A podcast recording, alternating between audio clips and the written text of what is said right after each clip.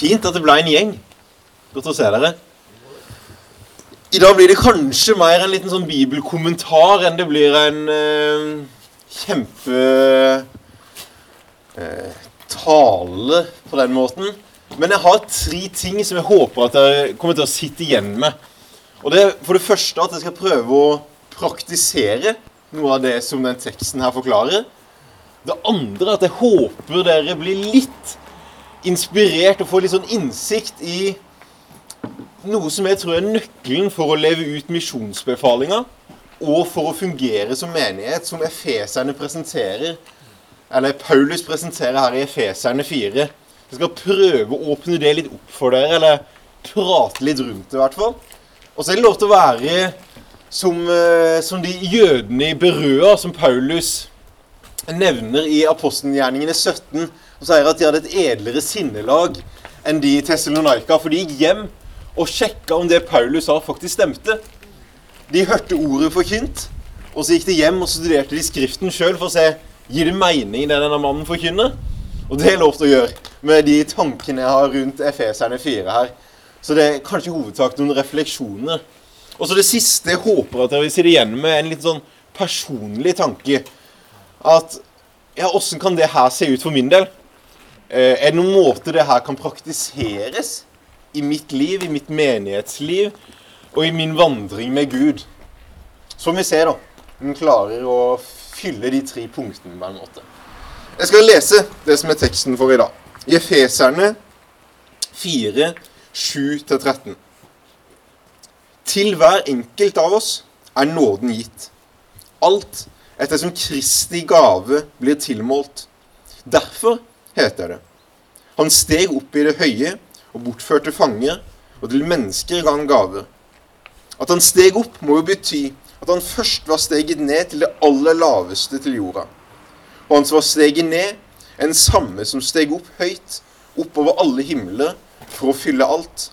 Og det var han som ga noen til å være apostler, noen til profeter, noen til evangelister, noen til hyrder og noen til lærere. For å utruste de hellige til tjeneste, så Kristi kropp bygges opp.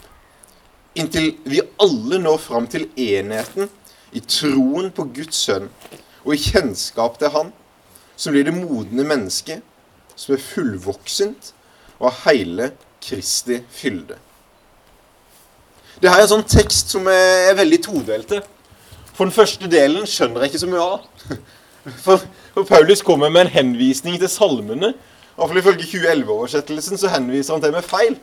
Og For det står noe annet akkurat i salmen der, at uh, fra menneskene tok han gaver, mens her er det ga han gaver. Og det som er litt flott med Bibelen, er at budskapet er så enkelt at barn skal forstå det.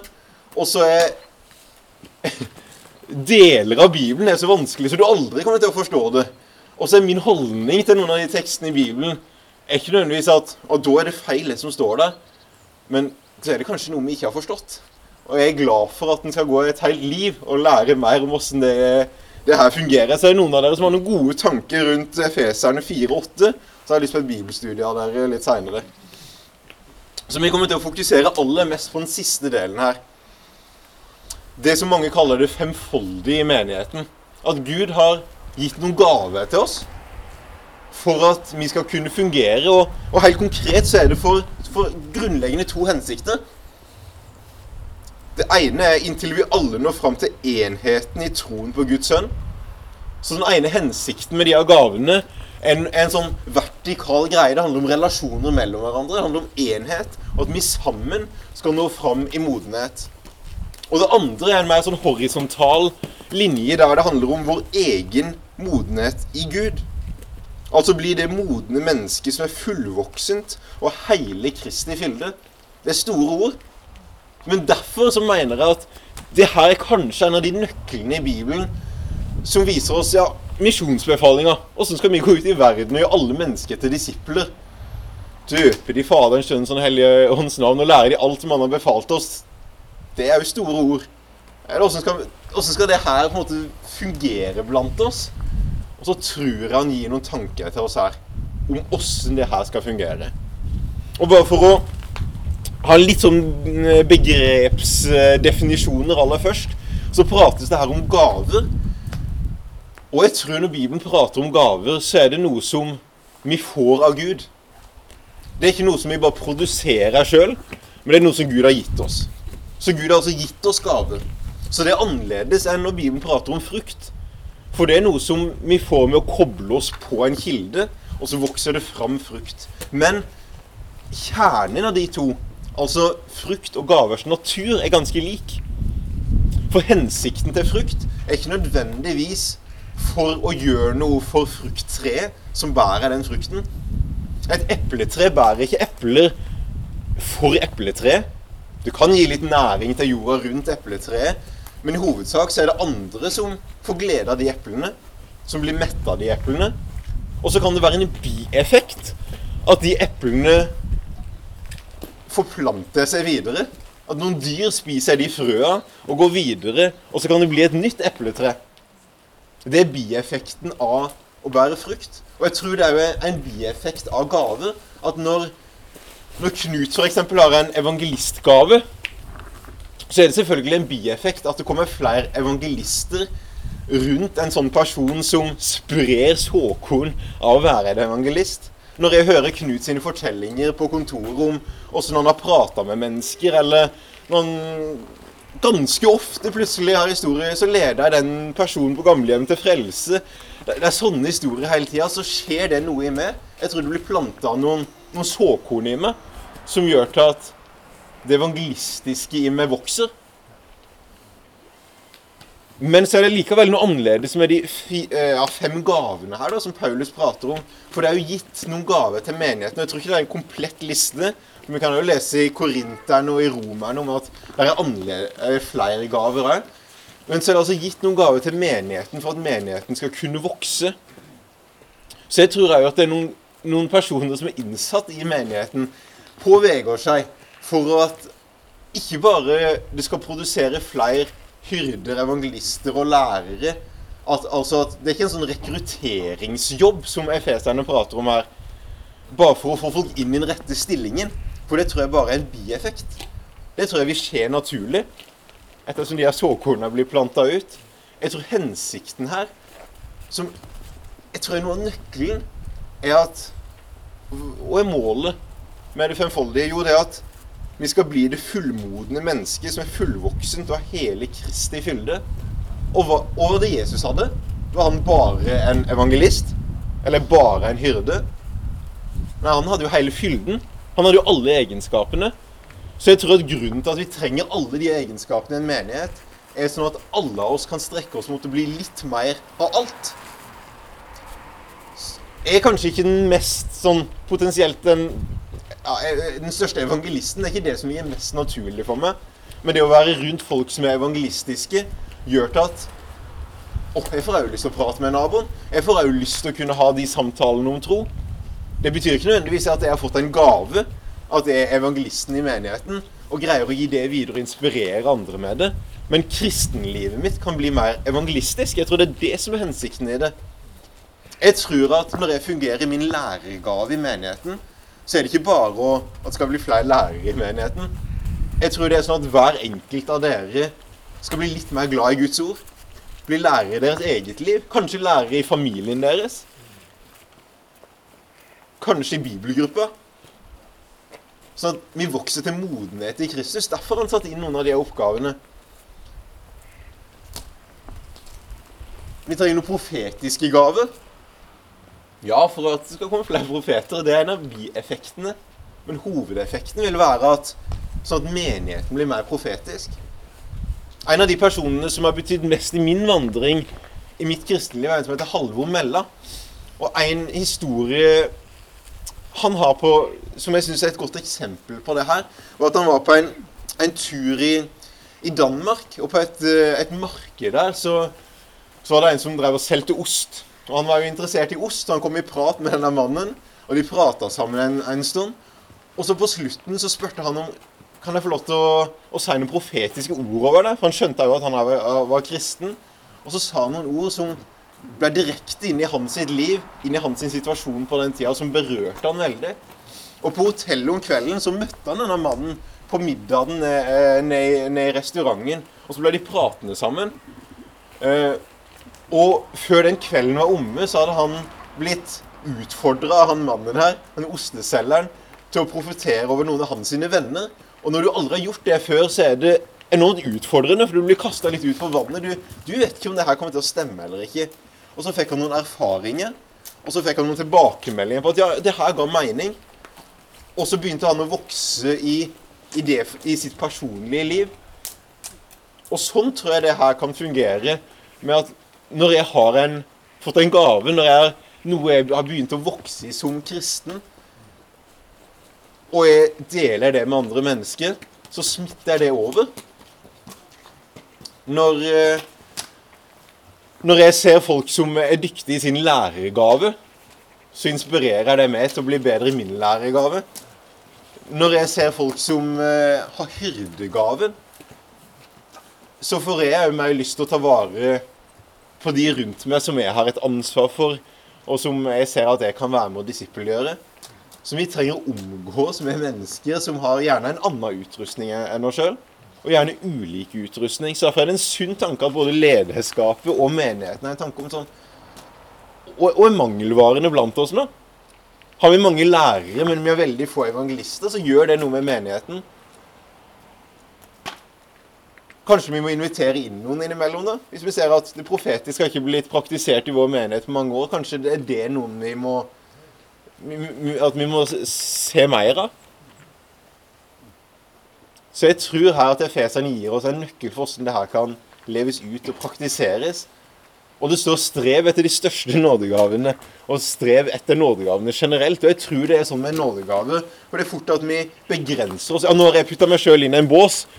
Ja, la oss si at jeg er læreren, så da slipper jeg å vokse på de andre områdene. Og jeg tror ikke det er sånn det er meint. Jeg tror ja, at det fins noen ting som jeg skal praktisere mer i, i menighetslivet. Men personlig så tror jeg jeg skal ha et ønske og en drøm om å vokse i alle gavene for å bli Hva er det som er målet? Å bli det fullmodne mennesket som er fullvoksent og har hele Kristi fylde. Det er målet med det. At vi får lov til å vokse for å bli mer lik Jesus. Så la nådegaver og la den tanken her være en forløsende faktor, ikke en begrensende faktor for oss. Og jeg tror det er litt sånn som når et barn blir født, så har det like mange muskler som et voksen menneske. Og en bodybuilder har like mange muskler som du. Så det handler Og jeg tror det er litt samme greia når vi får Den hellige ånd så har ikke Så er Den hellige ånd lik, men det er det samme potensialet. Men en som har trent veldig mye, har brukt musklene mer og, og fått dem til å bli mer funksjonible til den hensikten han ønsker å, å bruke dem til. Og Sånn er det òg når det kommer til nådegaver og, og tjenester i menigheten. at Det handler om å begynne å bruke det vi har fått. Og Noen ganger så er det noen ting som ligger veldig naturlig for oss. At å, det her med å være evangelist, det er det jeg lengter etter. Og det er kanskje det en skal begynne å gå mot først. Og så er det noen ting som jeg må streve litt mer med. Men jeg håper at i mitt liv og i menighetens liv så skal det Og kanskje vi må be om det. At det kommer en lyst etter å få litt mer av de egenskapene som er lengst vekk fra oss. Det som vi kanskje frykter mest.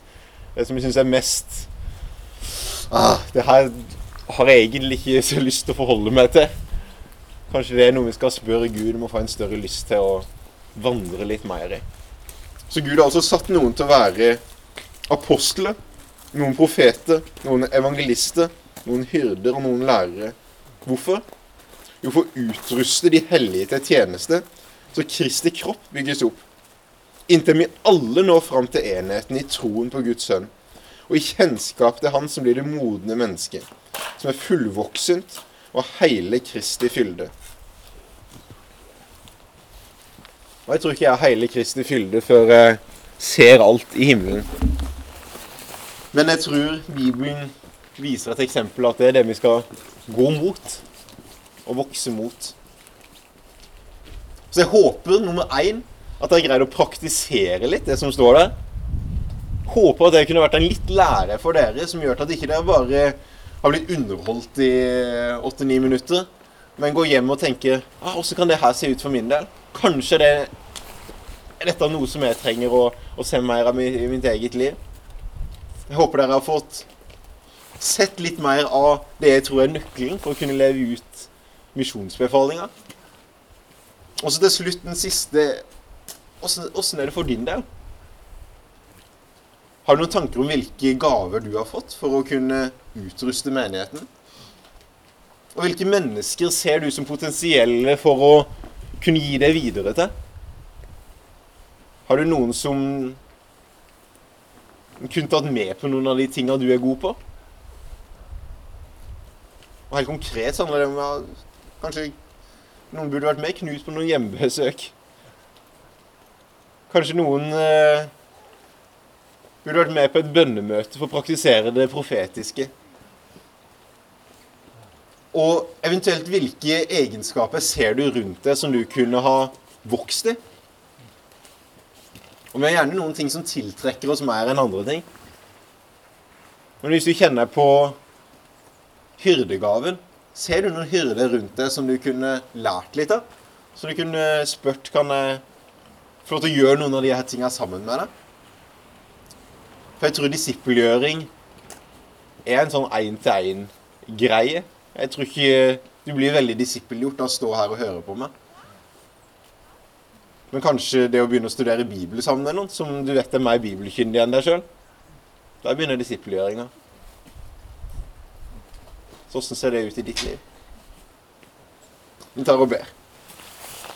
Takk, Jesus, for at du er vår eh, konge og vår frelse. Takk for at du har gitt oss gaver.